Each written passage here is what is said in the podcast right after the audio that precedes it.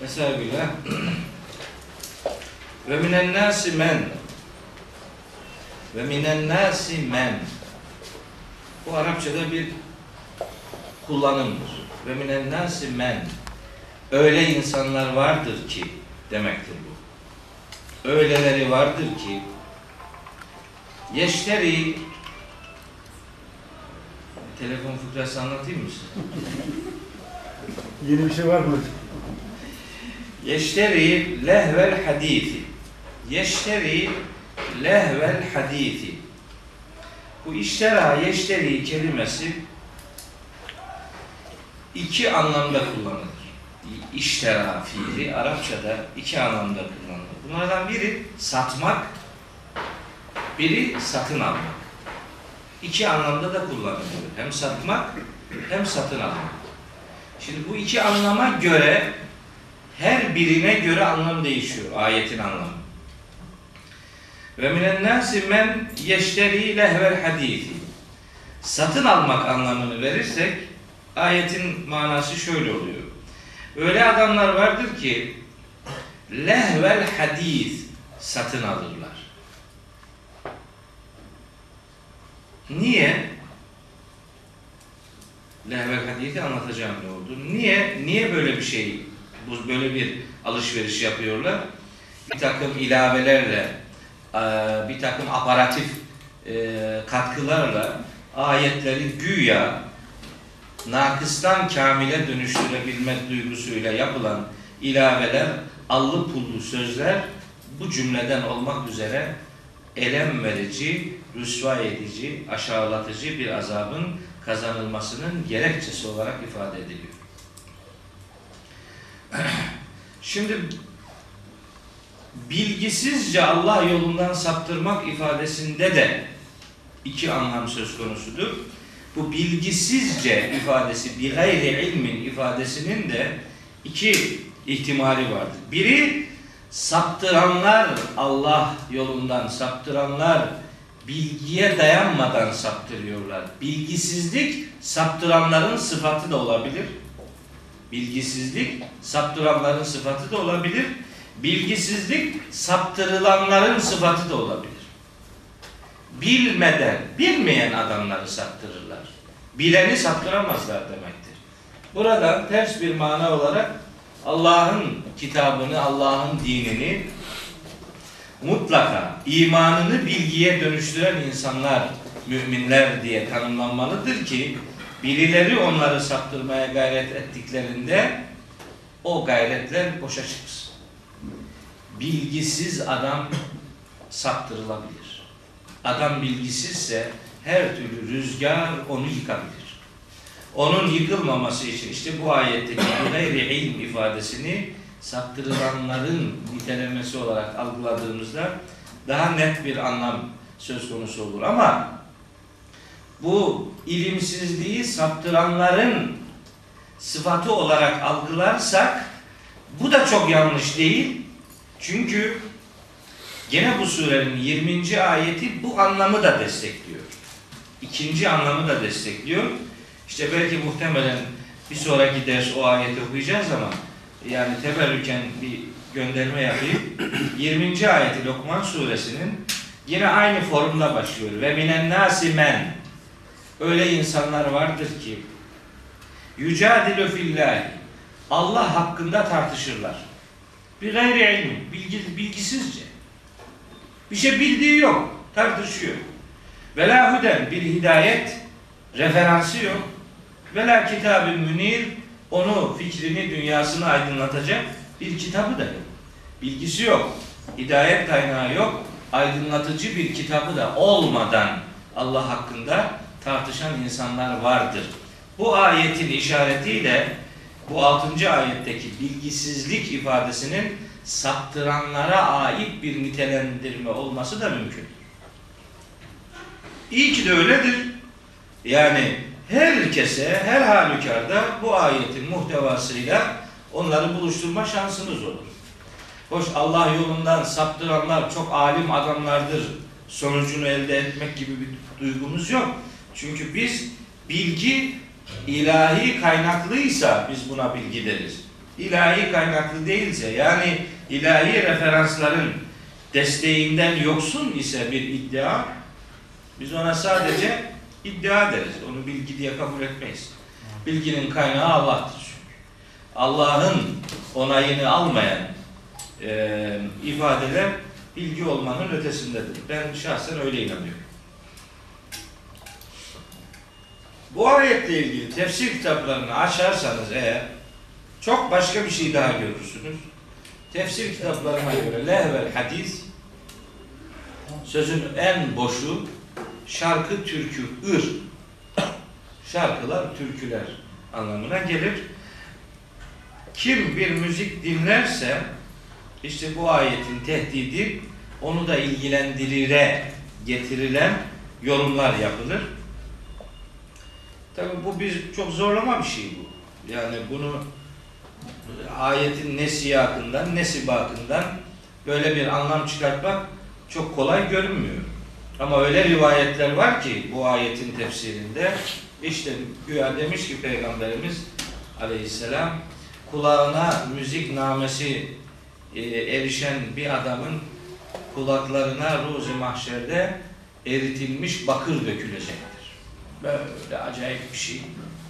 Yani bu herhalde müzikten müziğe değişir. Yani kemence için niye böyle bir şey olur? Yani kemencede bir şey yok ki. Yani riv riv riv başka hiçbir şey yok. Yani burada iki kategori elde etmek mümkündür herhalde. Biri bir söz vardır ki itikadı sallar. İnancı, inancı oynatır. İşte böyle sözler var gerçekten. Demiş ona? Lanet olsun sana ey zalim kader. Bunu diyen adam dinini kaybeder. Bunu, bunu diyen adam bu dinin neresinde kalabilir ki? Allah'ın ilim sıfatına lanet okuyan bir insanın bilmiyorum bundan nasıl bir durum olur.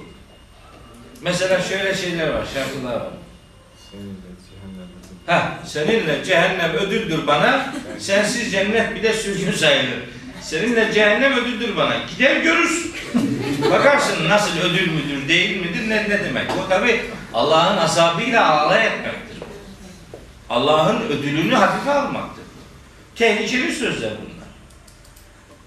Bir sana taptım, bir de Allah'a. Bak şimdi müşrik.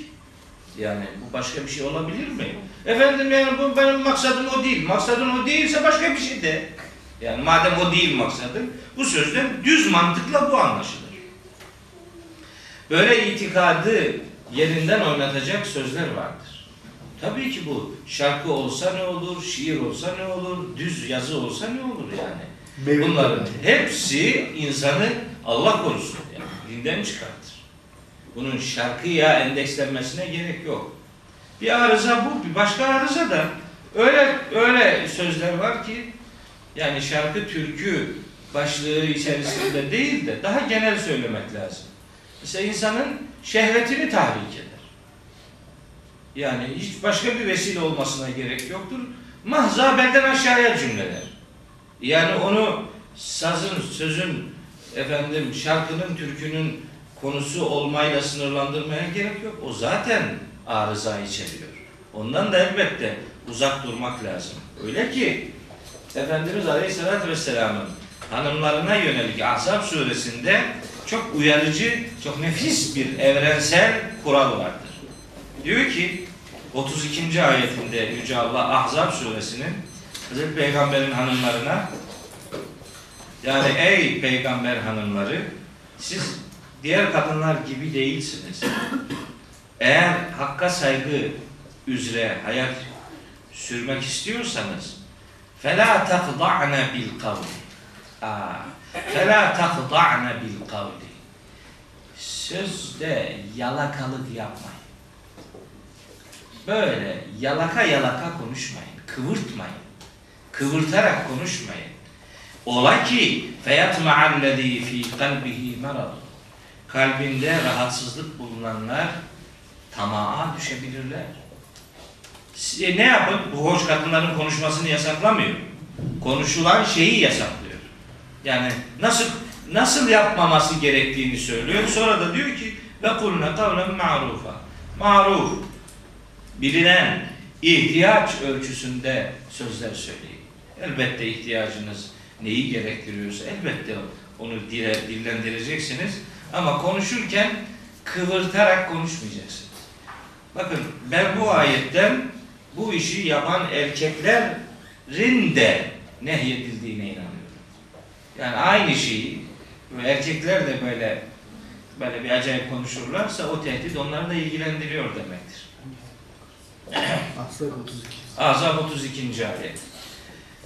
O ikisini beraber düşündüğümüz zaman yani boş söz söylememek gibi bir Müslümanın bir ödevi olduğu anlaşılıyor.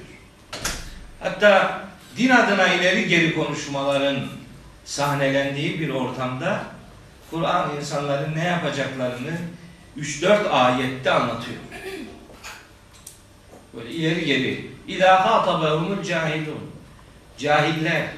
Cahil orada imandan yoksun, hakikatten yoksun insanlar demek. Onlarla karşılaştığın zaman muhtemelen öyle anlamsız şeylerle konuştuklarını gördüğün zaman galû selama. Selam de kap git oradan diyor. Yani onlarla o şeyin içerisine, o malayaniye dalma. Müminun suresinde diyor ki vellezînehum anil lagvi mu'ridun. Mümin, gerçek mümin insanlar boş sözlerden yüz çevirenler. Boş işlerden, boş sözlerden yüz çevirenlerdir. Müddessir suresinde diyor ki cehenneme girme gerekçeleri sayılırken ve künna nekudu me'al haidin. Üçüncü gerekçe olarak biz bomboş işlere dalanlarla beraber biz de hayatımızı böyle boş işlerle geçirirdik. Boş iş hem iş olarak boşluk hem söz olarak boşluk hem niyet olarak boşluk her türlü hakikatten uzaklık ayetlerin muhtevası içerisinde gizlidir. Ara ara Hazreti Peygamber'in de böyle bir takım sıkıntılı e, durumları yaşadığı anlaşılıyor. En'am suresi 68. ayette de onu uyarıyor Allahu Teala. Buyuruyor ki Estağfirullah. Ve izâ râeytellezîne yehudûne fî âyâtina. Ayetlerimiz hakkında böyle ileri geri konuşanları gördüğün zaman fe'arid. Bırak onları kendi hallerine. Hatta yahudu fi hadisin gayri. O önce konuştuklarından başka bir konuya geçinceye kadar siz sen onların yanında o malayaniye dalma O lüzumsuzluklara dalma. Hani ola ki ve imma yunsiyenneke şeytan. Şeytan sana oradan ayrılmayı unutturursa فَلَا تَقْعُدْ بَعْدَ الذِّكْرَى مَعَ الْقَوْمِ الظَّالِمِينَ Hatırladıktan sonra artık zalim toplumla beraber aynı yerde oturma. En'am 68. Bir de daha daha bir acayip bir ayet Nisa suresinin 140. ayeti de herkese yönelik. Bu defa buyuruyor Yüce Allah mesela fakat nezzele aleyküm bil kitap. Allah size kitapta şu gerçeği indirmiştir. En idâ semi'tum ayatillahi yükferu biha ve yüstehze'u biha. Allah'ın ayetlerinin inkar edildiğini, onlarla alay edildiğini duyarsanız فَلَا تَقْعُدُوا مَعَهُمْ حَتَّى يَخُوضُوا فِي حَد۪يثٍ غَيْرِ Başka bir konuya geçinceye kadar onlarla birlikte bulunmayın. Aynı malayaninin tarafı olmayın. Dinleyeni bile olmayın. E olursa ne olur? Ben orada oturuyorum ama hoş bir şey demiyorum. Diyenler oluyor. Ayetin sonu onu da cevaplandırıyor. İnneküm iden misluhu. Orada oturursanız siz de onlar gibi olursunuz. İnneküm siz iden o takdirde yani onlarla beraber bulunursanız misluhu. Siz de onlar gibi olursunuz. Peki bunlar kim? İnna Allah cami'ul münafikine vel kafirine fi cehenneme cemi'a. Bu işi yapan münafık ve kafirleri Allah cehennemde bir araya toplayacaktır. Sen onlarla bir yerde durma. Onlar cehennemde toplanacaklardır. Burada onlarla olursan ruzi mahşerde onların arasında bulunursun demektir. Şimdi bu ayetleri böyle e, yani diğerleriyle beraber düşündüğümüz zaman Lokman suresi 6. ayetteki maksadın da itikadi e, itikadi noktada insanları uyardığını anlamak durumundayız. İtikaden insanları Allah yolundan saptırmak, Allah'ın yolunu oyun, eğlence, alay haline getirmek gibi bir niyet bir görüntü her nerede varsa oradaki sözlere de, düşüncelere de, yapılan işlere de lehvel hadis denir. Bunu sadece İran'ın İsfendiyarı'nın masalıyla sınırlı tutmanın bir anlamı yoktur. Ayet işin gerekçesini ortaya koyuyor. Allah'ın yolundan saptırmak ve Allah'ın yolunu oyun, alay, eğlence edinme gayesi her nerede güdülüyorsa bu ayetin tehdidi o işlerin hepsini ilahi istisna kapsıyor demektir. Evet, 6. ayetle ilgili e, söylemeyi düşündüklerim aşağı yukarı bunlar. Şimdi devam ediyor 7. ayet. Şimdi bakın bu 7. ayette neler var. Estağfirullah. Ve izâ tutulâ aleyhi âyâtuna. Böylesi bir adama yani bu Allah yolunu engellemek, o yolu oyun, eğlence haline getirmek gayesiyle insanları e, haktan, hakikatten uzaklaştırmak için söz satın alan ya da yaldızlı sözler muhataplara aktaranlar bunların herhangi birine bizim ayetlerimiz okunduğu zaman Kur'an'la buluştuğu zaman şunu yapar. Vella bir defa yüz çevirir. Bir. Ya en başta bunu yapar. Yüzünü çevirir. Sadece yüz çevirmekle kalmaz. Müstekbira kibir gösterir. İstikbar Kur'an'da bakın kibriya vardır, istikbar vardır. Aynı kökten gelir. Kibriya Allah için layık bir sıfattır. İstikbar kullar için arzu edilmeyen bir niteliktir. İstikbar hak etmediği halde kendini büyük görmek demektir.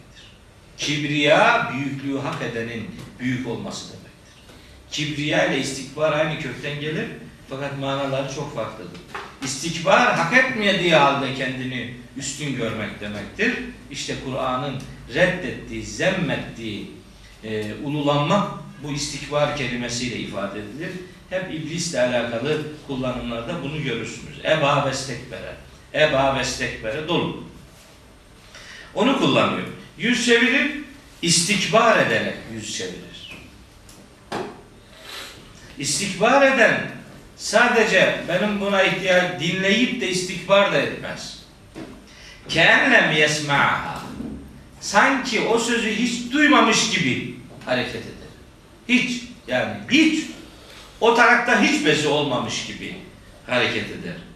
Dahası kenne fi üzüneyhi vakra sanki iki kulağında da sağırlık, ağırlık varmış gibi kabul eder.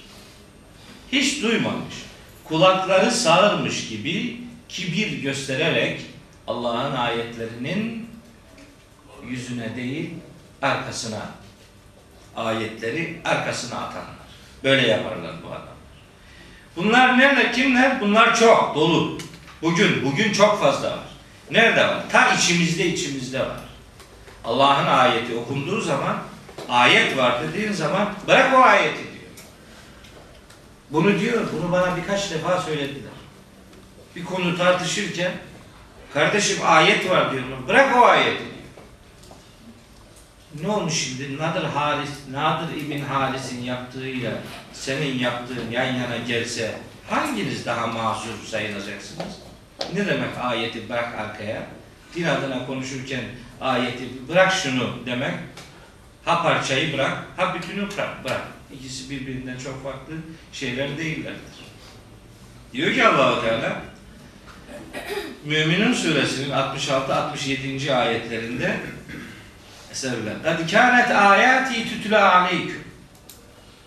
Ayetlerim size okunmuştu da feküntüm alâ a'tâbikum tenkisun. Dönüp hepiniz topuklarınız üzerine dönüp kaçmıştınız. Müstekbirine bi. Allah'a kibir göstererek bunu yaptınız. Samiren tehcurun.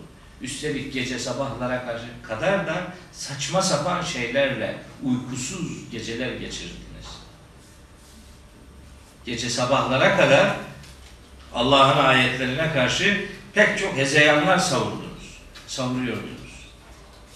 Beraber, ikisi beraber düşünüldüğü zaman Allah'ın ayetleri okunduğunda ayetlere karşı duyarsız davranmak, ayetlere karşı kibir, istikbar göstererek ayetleri beğenmemek gibi bir e, duygu ya da bir görüntü ortaya koymak bu ayetin tehdit cümlesi içerisindedir.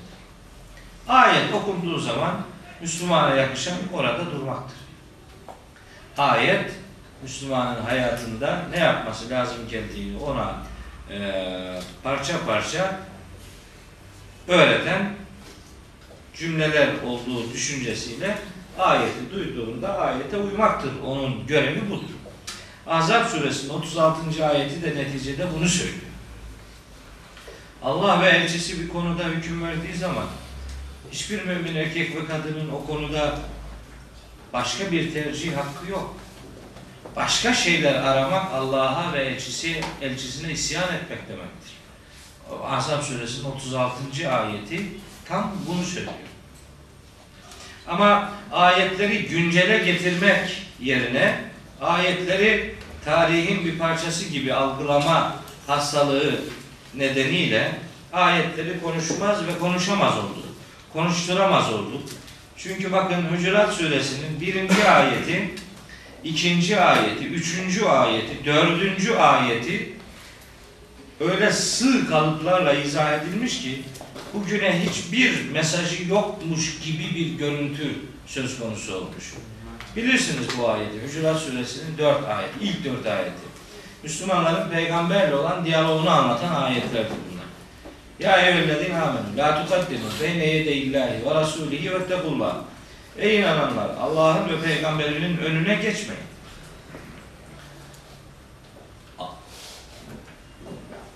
Önüne geçmeyin diye tercüme edilmiş. Önüne geçmeyin demek değil. Allah'ın önüne geçilmez ki kardeşim. Önüne geçmeyin. La tukaddimu değil de bu kelime la tekaddemu olsaydı önüne geçmeyin anlamına gelirdi. La tukad bak kaddeme fiili başka bir mana verir. Tekaddeme fiili başka bir mana verir. Allah'ın kaddeme kökünü kullandığı bir fiile tekaddeme manasını vermek doğru değil. Şimdi tekaddüm etmek, etmemek Allah'ın ve elçisinin önüne geçmeyin demektir. E ne demek bu? Hemen demiş işte peygamberimiz bir gün bir yerden gidiyormuş da sahabilerden biri onun önüne geçmiş. Bu ayet onunla ilgiliymiş. Hiç zannetmiyor. Yani onun önüne geçmiş de bilmem. Yok bilmem kurban kesiyormuş. Önce sahabiler kesmiş. O onun üzerine bu ayet gelmiş ki peygamberden önce kur, kurbanı kesme. Fiziksel ilişki anlamında, fiziksel davranış, adab öğretiyor diye algılanıyor bu ayetler. Hiç bunun yeterli bir izah olduğu kanaatinde değilim. Hadi diyelim peygamberin önüne geçmedin. Hadi diyelim peygamberimizden önce konuşmadın. Hadi diyelim peygamberimizin yanında sesini fazla yükseltmedin. İyi ama ayetin yarısı Allah'la ilgili. La tukaddimu beyne yedeyillahi. Önce Allah'la ilişkiyi ortaya koymak lazım. Bu fiziksel düzenlemeleri Allah'la ilişkide nasıl izah edeceğiz? Bunun çaresi yok. Bu ayet böyle yorumlandığı zaman çok kadük kalır, çok kısır kalır. Onun için Allah la tukaddimu diyor. La tukaddimu. Hiçbir şeyi önüne geçirmeyin. Allah'ın ve elçisinin. Allah'ın ve elçisinin önüne hiçbir şeyi geçirmeyin. Heh, konuşurken Allah'ın önüne geçmeyin. Hüküm verirken Allah'ın önüne geçmeyin. Edepte Allah'ın önüne geçmeyin. Ne bileyim saygıda Allah'ın önüne geçmeyin. Yani Allah bir şey dediği zaman Allah'ın dediğine layıkıyla teslim olun. Sizden beklenen budur. Böyle algılamak lazım. Fiziksel ilişkileri algıladığınız zaman ayetin bugünü, bugüne yönelik kısmını izahta büyük sorunlar yaşarsınız. Yani bugün peygamber yok o zaman bu ayetlerde hiçbir şey yaramıyor oluyor. Peygamberin sesinin üstüne seslerinizi çıkartmayın. E şimdi peygamber yok ne yapacağız? Bu hoş gerçekten seslilik anlamında peygamberiden fazla bağırmayın anlamıyla sınırlı tutarsanız e, ayet bugün işlevini kaybetmiş olur. Ortalıkta peygamber yok ki sesin yüksekliğinin bir arızası olsun denir. Halbuki peygamberin bize anlattığı hakikatlerin üzerinde onları gölgede bırakacak, onları görmezlikten gelecek, onlara itibarsızlık anlamını çağrıştıracak sözler ve fiiller tarafında olmayın demektir. Yani ancak böyle düşünüldüğü zaman e, diğer ayetlerle de Kur'an'ın günümüze yönelik mesajlarını kavramada da herhalde ancak bu ve buna benzer yaklaşımlar ayetlerin güncel olmasını sağlayan yaklaşımlardır diye düşünüyorum. Kulaklarda ağırlık, sağırlık olması ile ilgili çok ayet var Kur'an-ı Kerim'de. Çok. Ama onların her biri kulaklardaki sağırlık, gözlerdeki körlük, kalplerdeki kilitlilik bunların hiçbir tanesi sebep değil. Onların hepsi sonuçtur. Gözün görmemesi sonuçtur. Görmek istemeyen için. Kulağın işitmemesi sağırlığı sonuçtur. İşitmek istemeyen için. Kalplerin mühürlülüğü sonuçtur. Hakikati algılamak istemeyen için. Burada da öyle. Okunduğu zaman böyle davranıyor vatandaş. Febeşşirhu bi azabin elim. Böylesini elem verici bir azabın beklediğini ona söyle, buna müjde ver. Azapla müjdelemek tabirleri Kur'an-ı Kerim'de çok sık görülür. Buna biz Arapçada işte alay etmek diyoruz yani. Allah alay ediyor. Adama müjde sevindirici bir haberle ilişkili olursa müjde olur. Hem elem verici bir azap hem de müjde bir alay ifadesidir. Onlarla Cenab-ı Hak onların kabulleriyle e, alay ediyor diyebiliriz. Şimdi bu iki ayet işin kötü tarafıydı. Kur'an'ın mesani özelliği burada hemen devreye giriyor. Hep kötülerler örnekler verilmez. Peşinden hemen iyilerle ilgili örnek gelir. Öylesi ki o kadar o kadar çarpıcı bir durum var ki bakın metin olarak 6 ve 7. ayette kötülenen adam bir kişi diye ifadeler öyle geçiyor. Yeşteri satın alan, yudille saptıran, yettehide edinen bir lehum var. Onu geçeyim. Aleyhi bir kişi, vella bir kişi, müstekbiren bir kişi, yesma bir kişi, efendim üdüneyhi bir kişi, febeşşirhu bir kişi. Hep bir kişi üzerinde anlatıyor. Kötülüğü bir kişi, bir kişiye, bir model kişiye endeksliyor kötülüğü.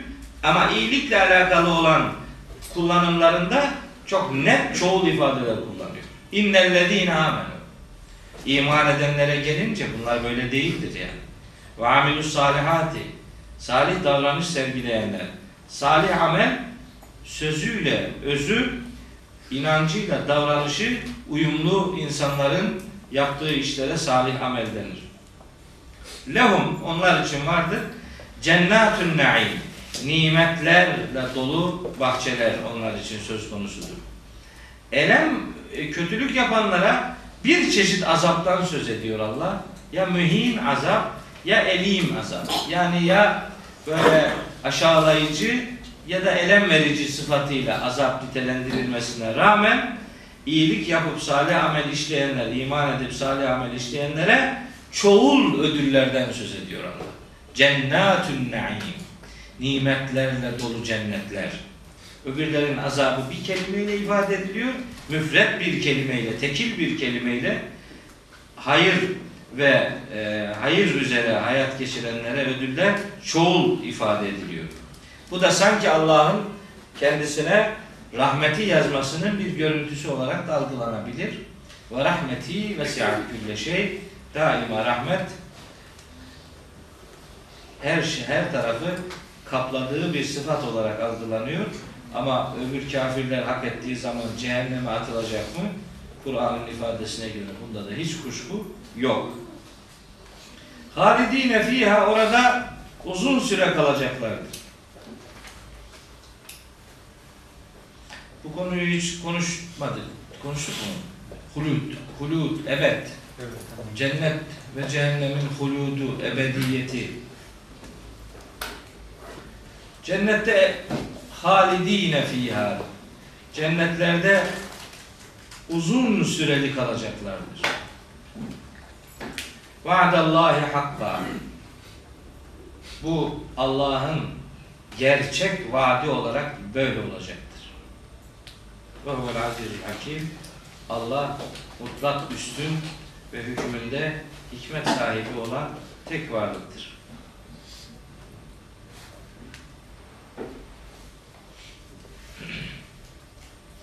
Başka bir vesileyle bu ebed hulut meselesini sizinle paylaşmak isterim.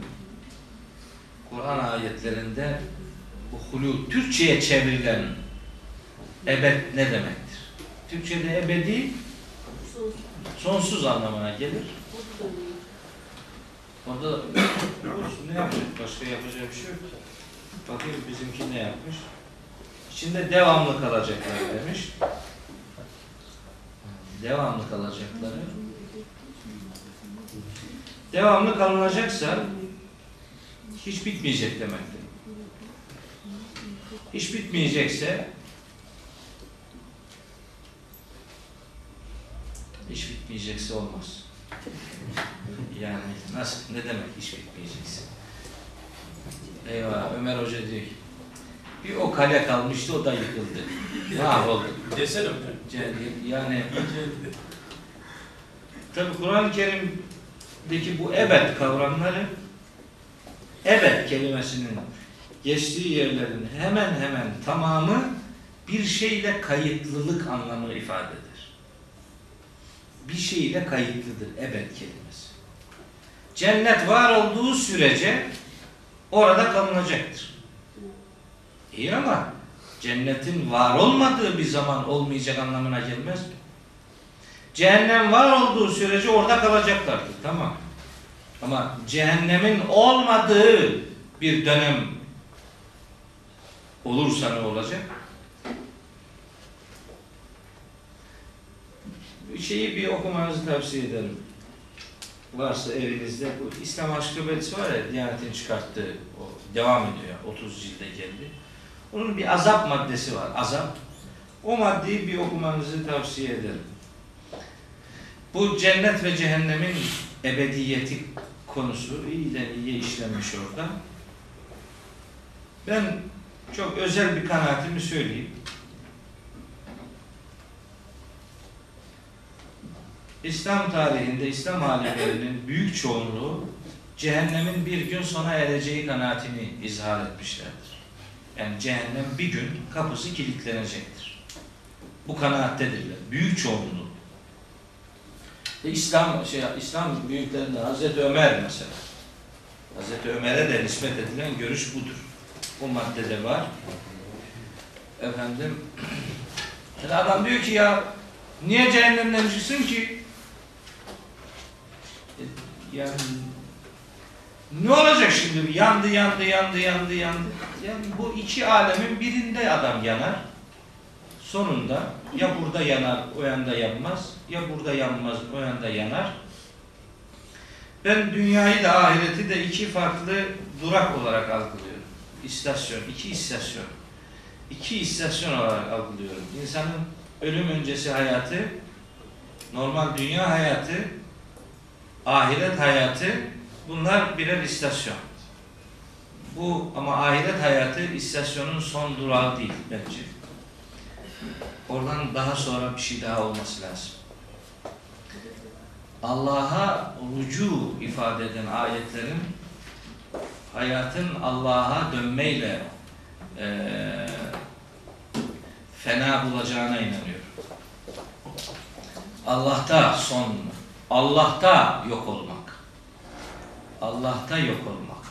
Yani başlangıçta nasıl bir kopuş yaşandıysa sonuçta oraya gidene kadar pek çok evreler, pek çok uzun süreler yaşansa da cennetten sonra da Allah'ta yok olmak gibi bir şeyin olmasına olmasından yana düşüncem var. Şöyle bir ayet var. O ayet beni bu düşünceye sevk etmiştir. Şimdi bakın. Küllü şeyin halikün illa veceh ayeti. Küllü şeyin halikün illa veceh. Allah'ın zatı hariç her şey yok olacaktır. Allah'ın zatı yani Cenab-ı Hak hariç her şey mutlaka yok olacaktır. Bir. Hangi ayet? Ayetini söyleyeyim.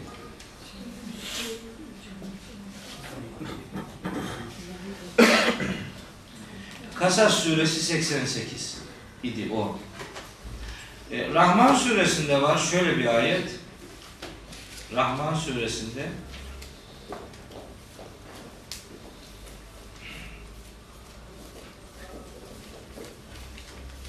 Küllü men aleyha fani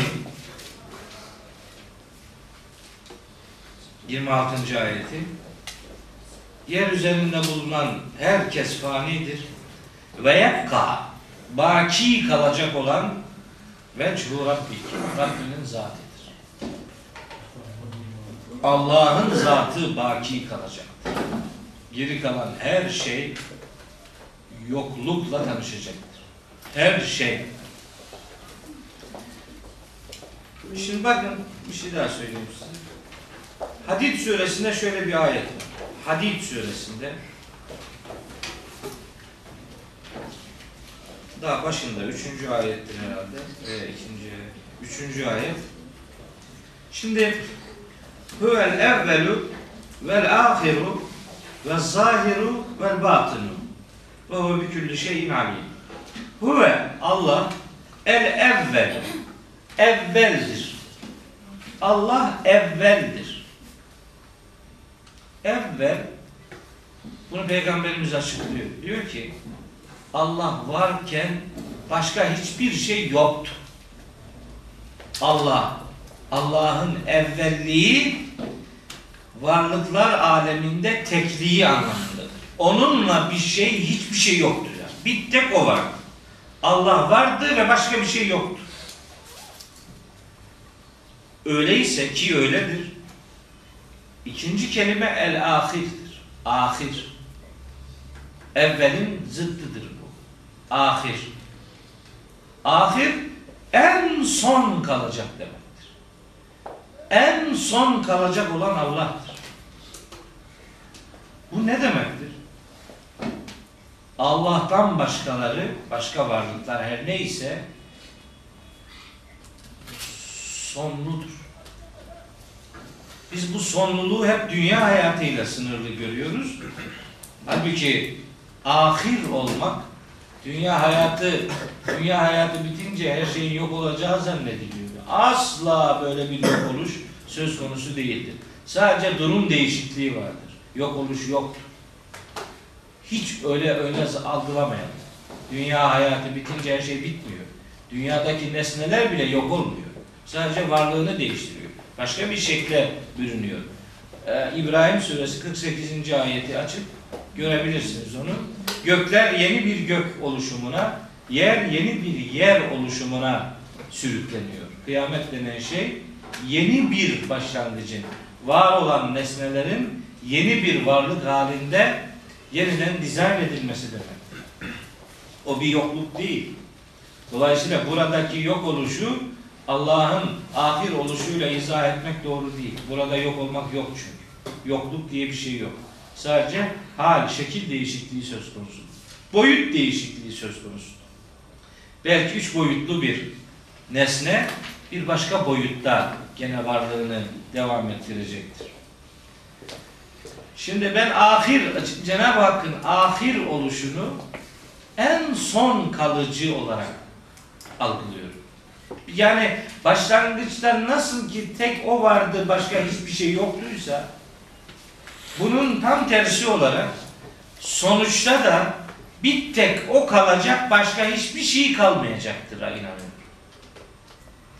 Varlıklar Allah'tan kopuşta nasıl bir nasıl bir süreç yaşadıysa onu biz bilmiyoruz. Sonuçta da Allah'ta yok olma